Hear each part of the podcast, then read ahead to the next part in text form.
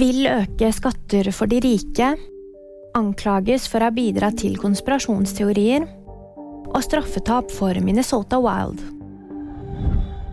USAs president Joe Biden vil øke skattene for de rike. Årsaken til dette er at han ønsker å redde helseordningen Medicare.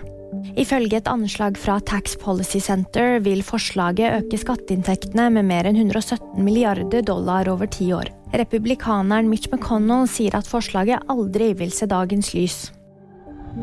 Og vi holder oss til USA. For kongressleder Kevin McCarthy anklages for å bidra til konspirasjonsteorier på Fox News.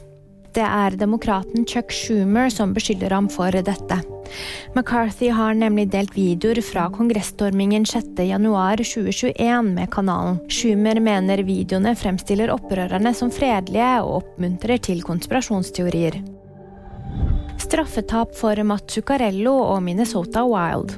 Det ble en målfattig kamp mot Calgary Flames. Etter tre perioder og overtid var stillingen 0-0. Kampen endte i straffekonk der Calgary Flames gikk av med seier etter scoring fra Tyler Toffoli. Det var VG nyheter. De fikk du av meg, Jammen Britt.